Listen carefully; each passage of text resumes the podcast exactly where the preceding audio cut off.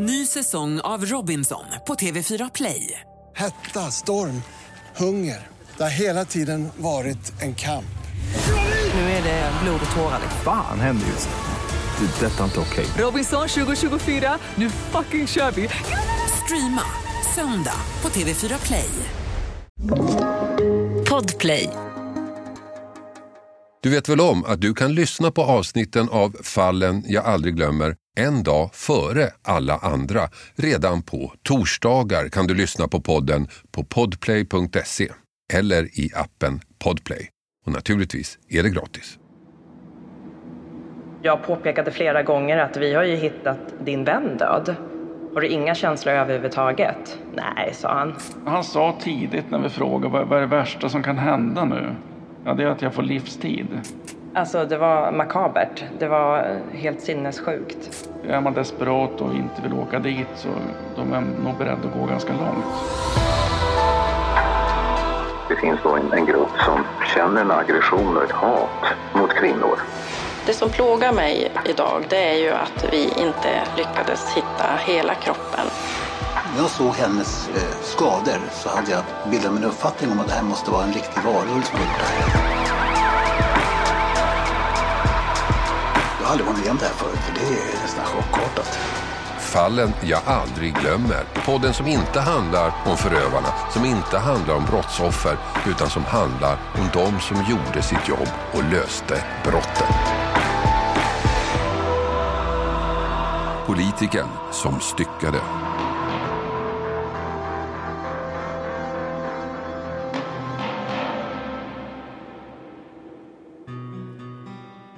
Styckmord brukar få stor uppmärksamhet i pressen, särskilt när kroppsdelarna är utspridda på flera platser och utredningen drar ut på tiden.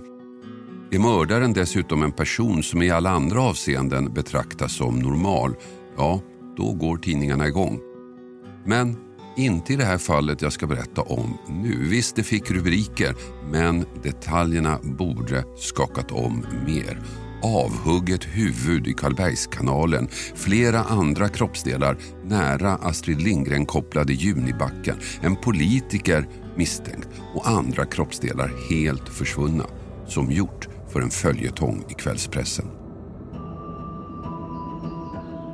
Allting börjar den 16 september 2021. Karlbergskanalen i Stockholm med sin prunkande grönska, vackra omgivningar, kaféer och ett grandiost slott drar till sig många av stans flanörer som promenerar längs vattnet. Så också den här torsdagen. Men just den här dagen bryts idyllen. I vattnet ligger en påse som ser mystisk ut. Några personer fiskar upp den och öppnar plasten. Det de fick se blev en chock. I påsen låg ett avhugget huvud. Ett huvud genomborrat av ett skotthål. En mordutredning drar igång. Och ansvarig för den blev polisinspektör Ulf Höglund, gruppchef på avdelningen för grova brott i Stockholm city. Jag var med från början när vi fick in ärendet. Eh, det hittades en påse i Karlbergskanalen som innehöll ett eh, huvud från en man. Och det konstaterades ganska snabbt att han var eh, skjuten. Så Vi inledde förundersökning om mord i stort sett direkt. Vad tänkte du då? Ett huvud med en skottskada? Det kunde ju bli komplicerat. Nej, men I och med att vi hittade den här kulan i huvudet och vi kunde konstatera att den, han hade blivit skjuten i bakhuvudet så kunde vi konstatera att det var ett mord vi hade med. Hade det varit ett huvud utan övriga skador så är det svårt. Att mannen blivit mördad rådde det som helst inga tvivel om. Skotthålet talade sitt tydliga språk. Så någon komplicerad utredning om dödsorsak blir det inte.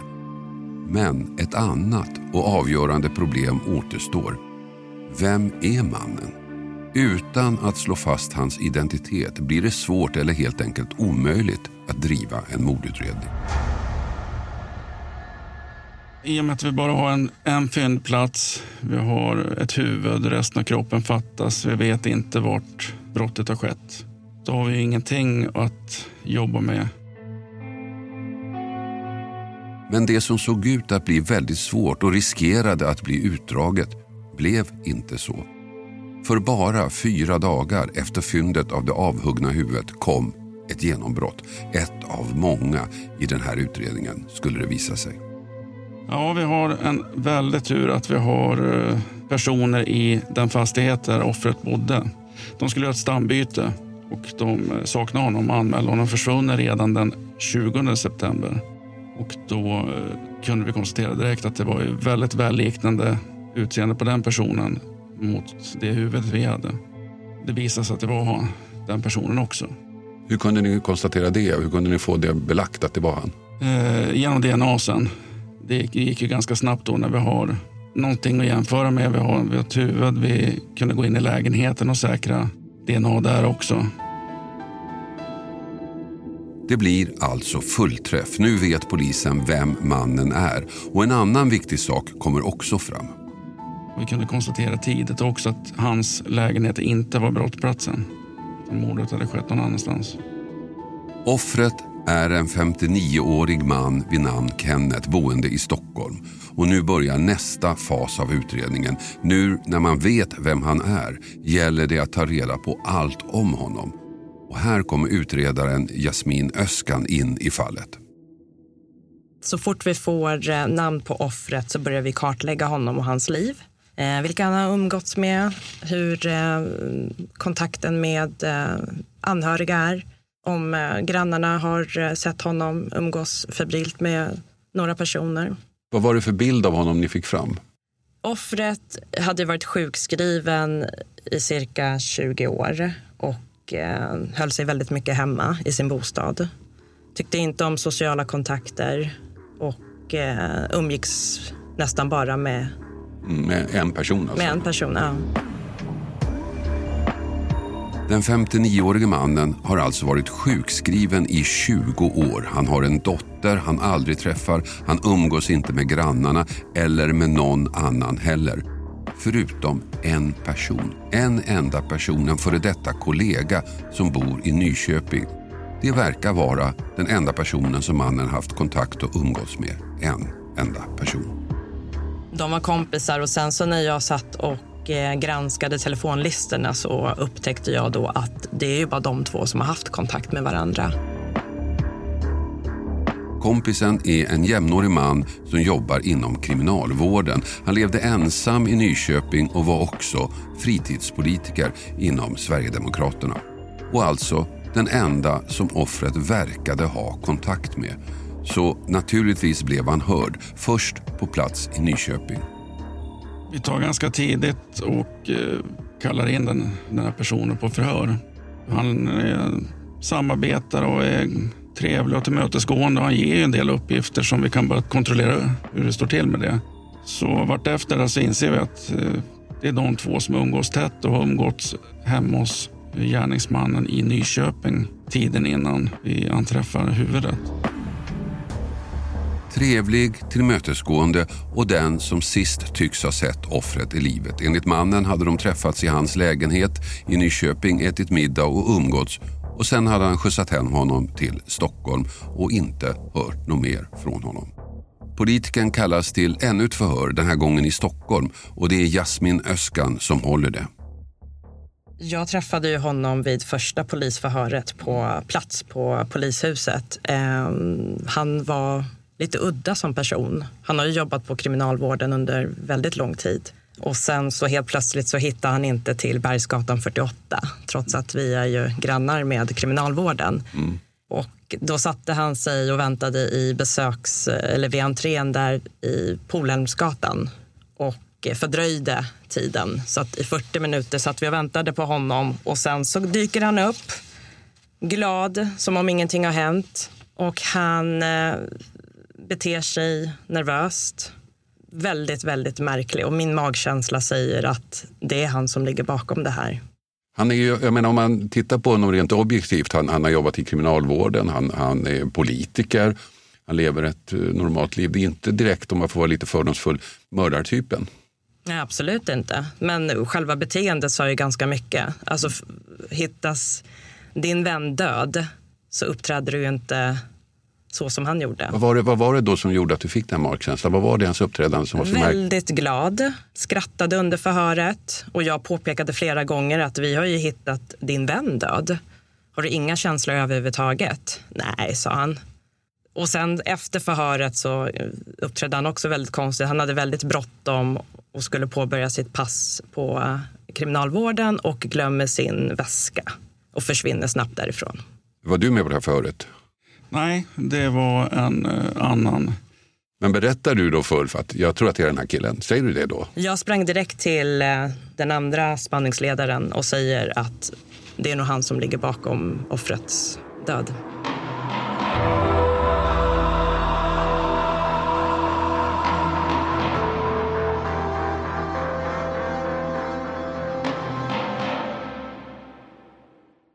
Den här veckan har vi ett betalt samarbete med Tre, ni vet teleoperatören. Den jag själv har faktiskt och är väldigt nöjd med. Men det är många som tror att Tre inte har särskilt hög täckningsgrad, vilket är fel. Och så är det ju faktiskt med mycket vi tror oss veta, att det vi tror är sant kan vara falskt och det vi tror är falskt kan visa sig vara sant. Jag hade faktiskt ett telefonsamtal med en kompis för inte så länge sedan, via tre då förstås, och vi snackade om myter. Och jag tycker mig ha koll på sånt, vad som är sant och vad som är falskt. Men det är inte alltid så lätt. Till exempel berättade min kompis, ni vet om myten att svalor flyger lägre när det ska bli dåligt väder. Falskt sa jag, men det visade sig vara helt sant. Och så det här att man, om man duschar varmt på sommaren så blir man svalare. Det trodde jag inte heller på, men det visade sig också vara sant. Så det blev lite en aha-upplevelse för mig. Men så pratar vi om vår gemensamma operatör. Ja, de har ju väldigt bra täckning, sa han. Och där visste jag att han har rätt. Han visste att Tre har byggt ut och nu har väldigt stor täckning. Men det är inte alla som vet. Och ibland är det inte riktigt som man tror.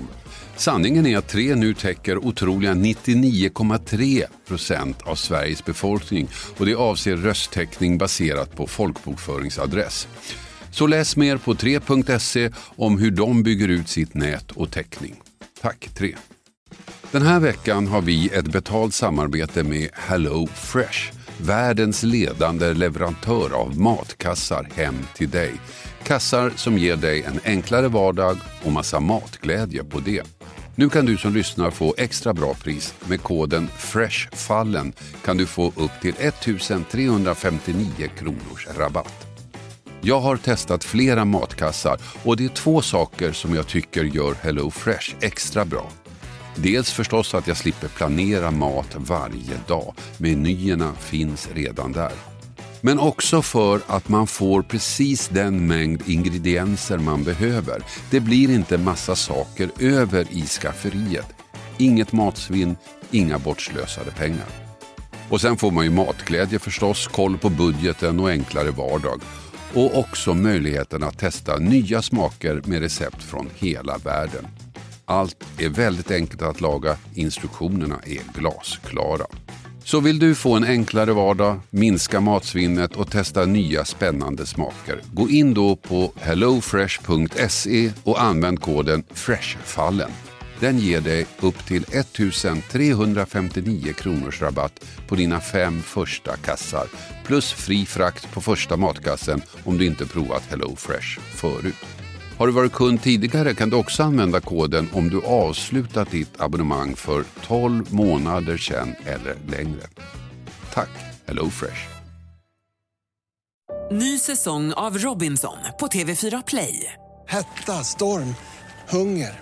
Det har hela tiden varit en kamp.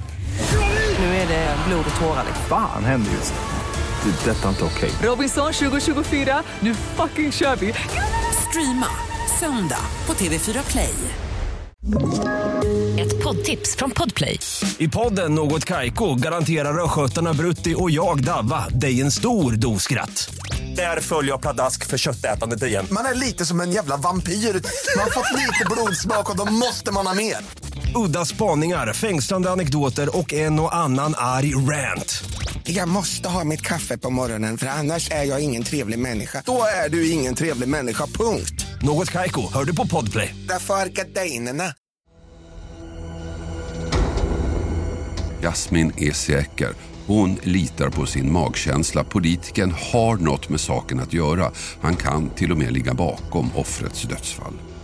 Mannen som jobbar på kriminalvården, mannen som är politiskt engagerad är plötsligt misstänkt för mord. Men det finns inget konkret, det finns inga tydliga bevis, inte ens några indicier.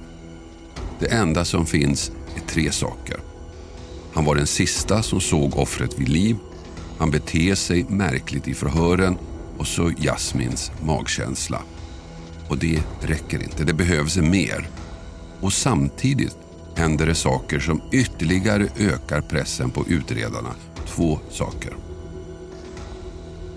Först den 26 oktober så hittar eh, några personer som är ute och promenerar där på Junibacken så hittar de eh, ett, som visar sig ett axelskulderparti på gångcykelbanan där. Och två dagar senare så hittas det en eh, sopsäck i vattenbrynet precis ja, 25 meter därifrån som visar sig innehålla eh, bål, lårben. Och det kan vi konstatera senare också att det är offrets Fler kroppsdelar alltså, mitt i stan. Nu måste utredningen framåt. Nu måste fallet lösas. Och fokus kommer att ligga på den misstänkte politikern på att hitta konkreta spår eller avfärda honom. Åklagaren beslutar om ett klassiskt utredningsverktyg att sätta spaning på honom, som det heter på polisspråk. Att helt enkelt låta spanare följa efter och kartlägga vad han gör. Och det visar sig bli avgörande. Det blir en vändning. För mannen åker flera gånger till återvinningsstationen och slänger saker, saker utredarna lyckas ta hand om, saker som kommer att få stor betydelse. Han slänger bland annat en påse i en sån här eh, klädåtervinning som vi hittar en vindjacka. Ett senare tillfälle då slänger han en fåtölj som han har sågat isär hemma i lägenheten på en återvinningsstation som spanarna lyckas ta om hand. Och den blir direkt avgörande för att vi stärker misstanken mot honom och griper honom. Vad är det med stolen? Det är bland annat blod från offret på nackstödet. Vi hittar tändsatspartiklar, alltså någon som avfyrat ett vapen i närheten av stolen. Den misstänkte mannen kör alltså en stol till soptippen och slänger en stol med blod på, en stol med spår av skjutning. Det räcker. Nu finns det något konkret. Mannen blir gripen. Han blir ju den huvudmisstänkta. Vi har ju ingen annat spår. Vi, vi utreder ju så brett vi kan och försöker inte låsa oss på en gärningsman eller ett tillvägagångssätt. Men här hamnade vi där att det går inte att komma runt att de här indicierna, det, det går inte att förklara bort det. Det har gått två månader sedan huvudet hittades i Karlbergskanalen. Det är den 18 november och fritidspolitiken delges misstanke om mord. Att det skulle vara han som dödat sin kompis. Och han verkar inte direkt överraskad över anklagelserna. Han var inte ett dugg upprörd. Alltså, ganska lugn och kändes kände som att han någonstans hade förväntat sig att det här skulle ske någon gång. I, han märkte att vi varit mer och mer intresserade av honom. Men då delger ni honom misstanken för mord, att han, att han är mördare. Hur, hur reagerar han på det? Nej, alltså han reagerade inte så mycket faktiskt heller. Utan eh, det som var, var ju att eh, offret hade ju umgåtts med eh, gärningsmannen på sista tiden. Och det förstod han väl att det är klart att han, vi kommer plocka in honom förr eller senare. Så han var ju inte överraskad över det. Och med den misstänkte mannen i häktet kunde utredarna arbeta allt mer koncentrerat för att hitta bevis. Och fynd efter fynd görs. Likhundar markerar i hans bil vilket tyder på att en död person har fraktats i den. Och även i mannens lägenhet görs för honom besvärande fynd. Där markerar jag också en hund vid balkongen, ute på balkongen på liklukt. Teknikerna ser ganska tidigt eh, små, små, små blodstänk på eh, väggen och taket där vi kan se på bilder att den här fåtöljen har stått tidigare. Och sen när de börjar titta närmare på golvet så ser de små, små sågmärken. Så när de tejpar upp för att mäta så ser man i stort sett att det är där som eh, styckningen av kroppen har skett. Efter det här så, är, så antar jag att ni, ni är ganska säkra på att det här är han. Ja. Men det räcker inte med det. Sen när vi håller förhör med eh, grannarna så säger grannen under honom att eh, det har ju runnit någon vätska ner till henne och att det stank i trapphuset. Och att den här eh, gärningsmannen har betett sig väldigt märkligt under den senaste tiden, ja, under september månad. Då, då. Det har varit mycket plastsäckar och han har sprungit till bilen, parkerat bilen precis utanför fastigheten. Så det, det var verkligen en märklig rörelse av honom. Mm. Ja, hon hör, hon hör skottet också. Hon hör skottet. Kan man konstatera. Samma person som får likvätska typ över sig. Det är alltså en lång rad besvärande omständigheter som utredarna kan presentera för den misstänkte mannen. Liklukt, blod, den slängda stolen, märken på lägenhetsgolvet, grannens vittnesmål och fler blev det. Bland annat visade spårningen av hans mobiltelefon att han varit på platserna där kroppsdelarna hittats. Men ingenting av det här bet på honom. Han nekade och fortsatte att neka. Han hade ingenting med kompisens död att göra i förhör efter förhör. Oavsett vilka nya bevis som presenterades höll han fast vid sitt nekande. Han var oskyldig.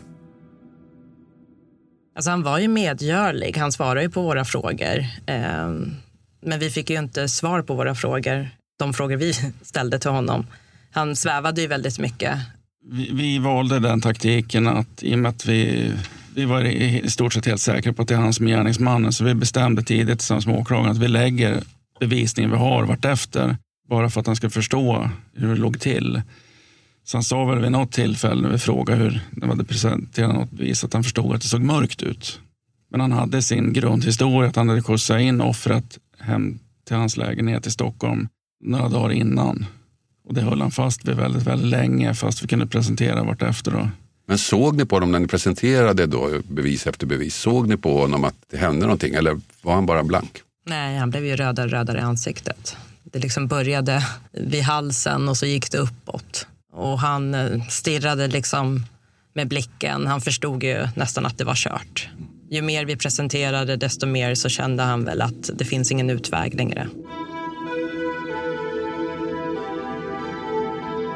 I fem månader höll det på. I fem månader, förhör efter förhör, så nekar den misstänkte mannen. Men i slutet av april får utredaren ett samtal som är väldigt speciellt. Det, det är speciellt. Det är speciellt när han, hans advokat hör av sig och säger att nu vill han prata. Boka in minst tre timmar om man förstår att nu, nu kommer vi en bra bit närmare mål. Och nu kommer det. Erkännandet. Ja, det är han, fritidspolitiken, kriminalvårdaren som dödade 59-åriga Kenneth, hans bästa och kanske enda kompis. Och det här är historien Ulf får höra. Nej, han berättade då att offret hade bott hemma hos honom senaste tiden och att de hade druckit en hel del. Han var bakfull och trött och hade slarvat bort sin bilnyckel. Han hade varit ute i garaget och letat efter den här nyckeln och när han kommer tillbaka så ska offret ha hittat hans pistol som han har efter sin pappa. Som har blivit kvar i hans ägo, en gammal kaliber 765. Och offret har tagit fram den och frågar vad har du tänkt göra med den här? Skulle du skjuta mig eller dig själv eller vad är det här? Då är, är gärningsmannens version att han blir arg och tar den här och när han går och passerar bakom honom så hytter han till mot huvudet med det här vapnet och då ska det ha gått av ett vådaskott. Ja, han hade dödat Kenneth, men det var ett misstag, inget mord, mer en olycka. Och den här versionen håller han fast vid hela tiden. Så här lät det när han hördes i rättegången. Ja, det kom ju lite, lite jag tror inte att chocken kommer på en tiondel sekund. Det kom väl lite, lite senare när liksom det började sjunka in vad som eh, har, har hänt. För först är det lite svårt att fatta pistolen. Varför? pistolen ska inte vara laddad. Hur, hur kunde den gå av? Alltså, den ska inte vara laddad, den ska inte vara skjutklar. Det, det, det, liksom, allting är ju totalt fel. Mm. Hur det än vänds och vrids på så, så ett illegalt vapen och en död människa, det, självklart kommer jag få, få någon form av straff och det vill jag inte.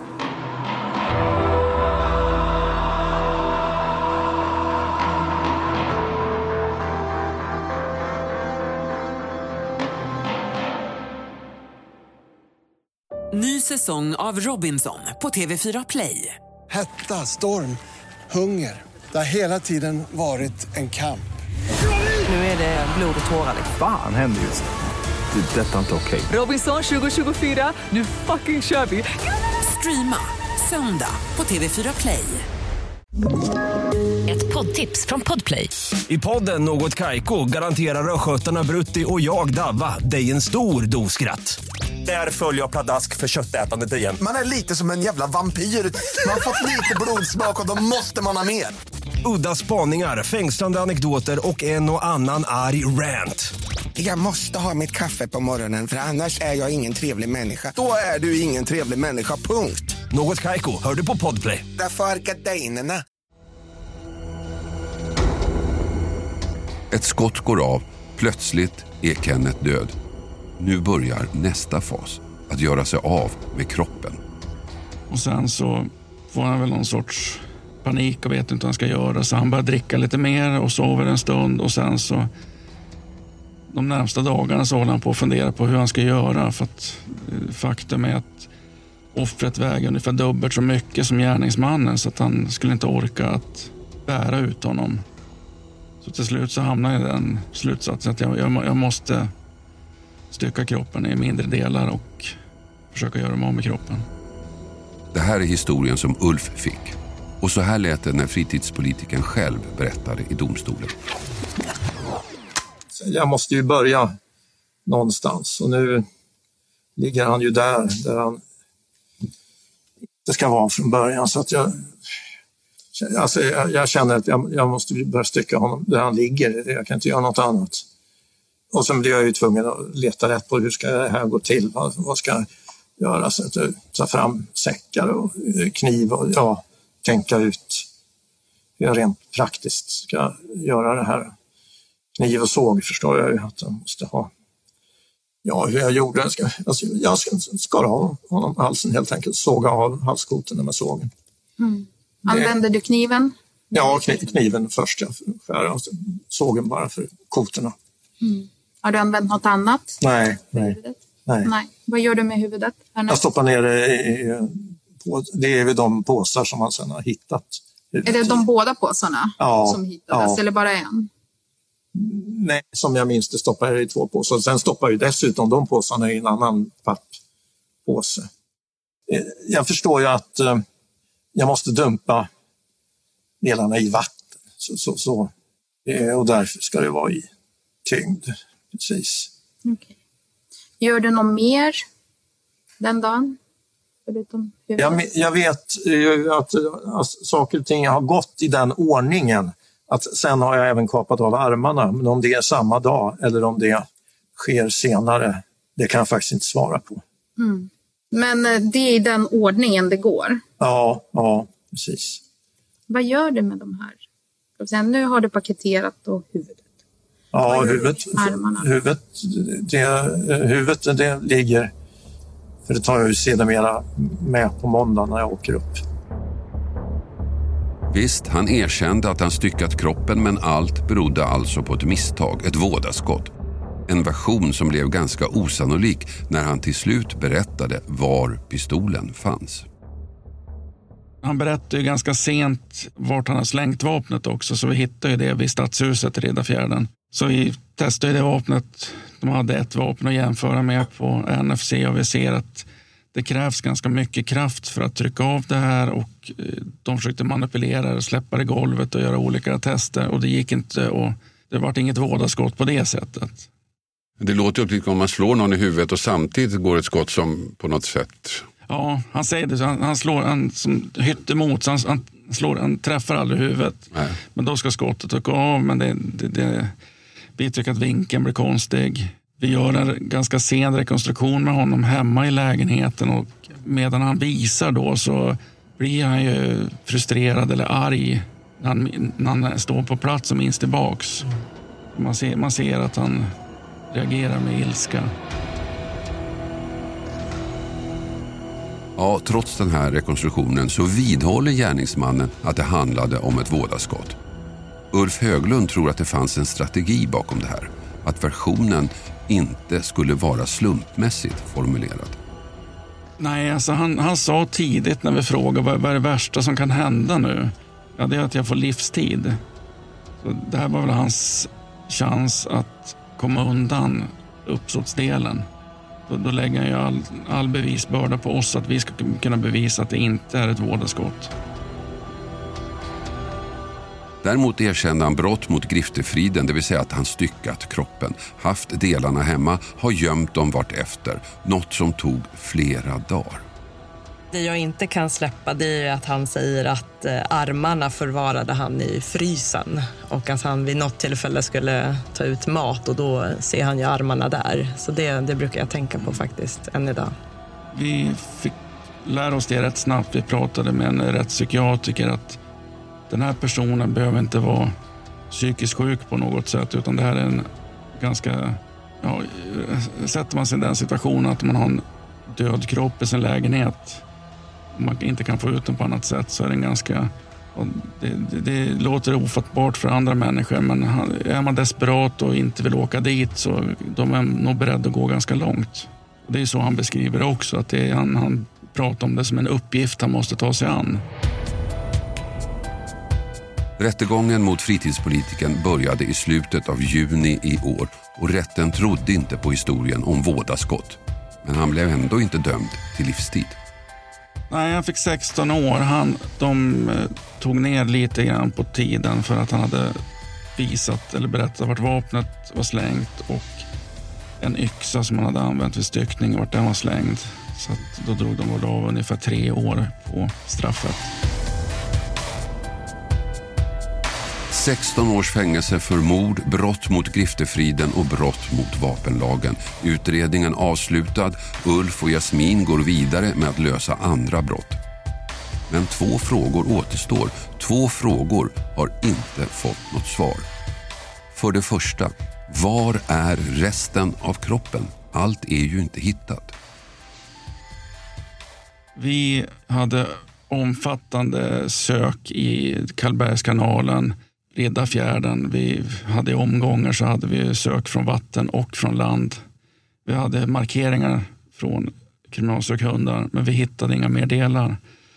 Och gärningsmannen berättade att han hade slängt i huvudet, det var det han hade slängt i Karlbergskanalen. Sen hade han slängt ett par paket från eh, Blasieholmen och det är de som var hittat på Junibacken. Men när han såg att inte de här paketen sjönk så dumpade han resten av kroppsdelarna i en container som stod precis där vid platsen.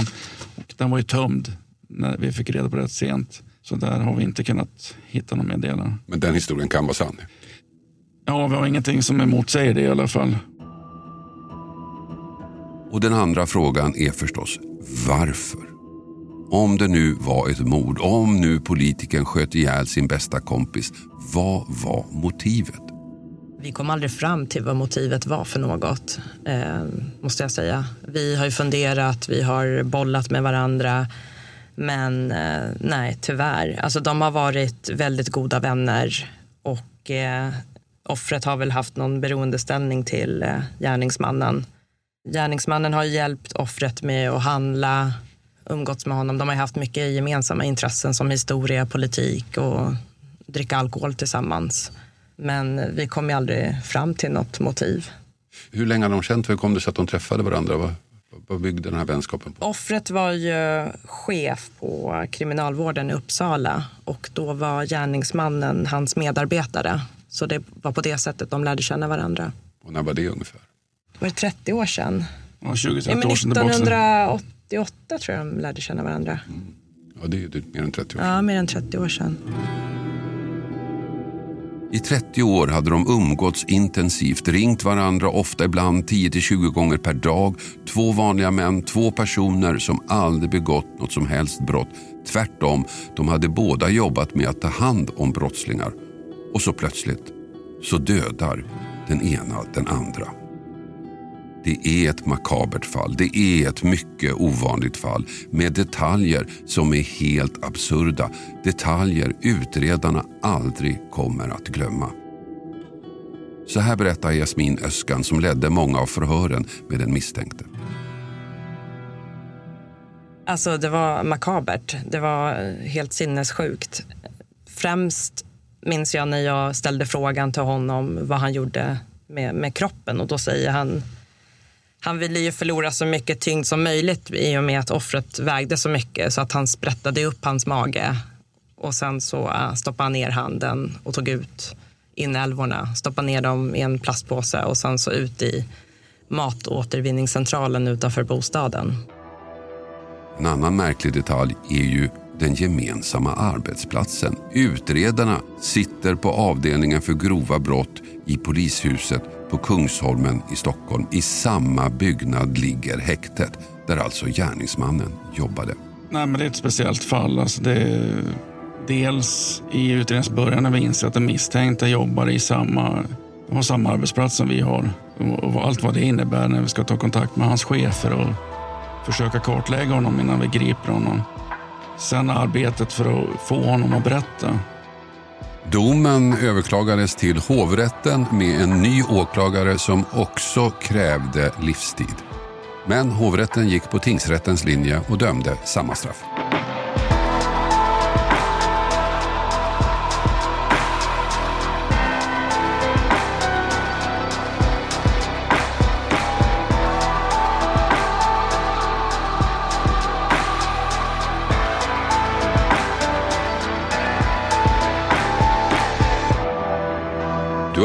Döden, Fallen jag aldrig glömmer. Klippning David Davva Persson. Och jag heter Hasse Aro. Du vet väl om att du kan lyssna på avsnitten av Fallen jag aldrig glömmer en dag före alla andra. Redan på torsdagar kan du lyssna på podden på podplay.se eller i appen Podplay. Och naturligtvis är det gratis. Podplay, en del av Ny säsong av Robinson på TV4 Play. Hetta, storm, hunger. Det har hela tiden varit en kamp. Nu är det blod och tårar. Fan händer just nu. Det. är Detta är inte okej. Robinson 2024, nu fucking kör vi! Streama söndag på TV4 Play.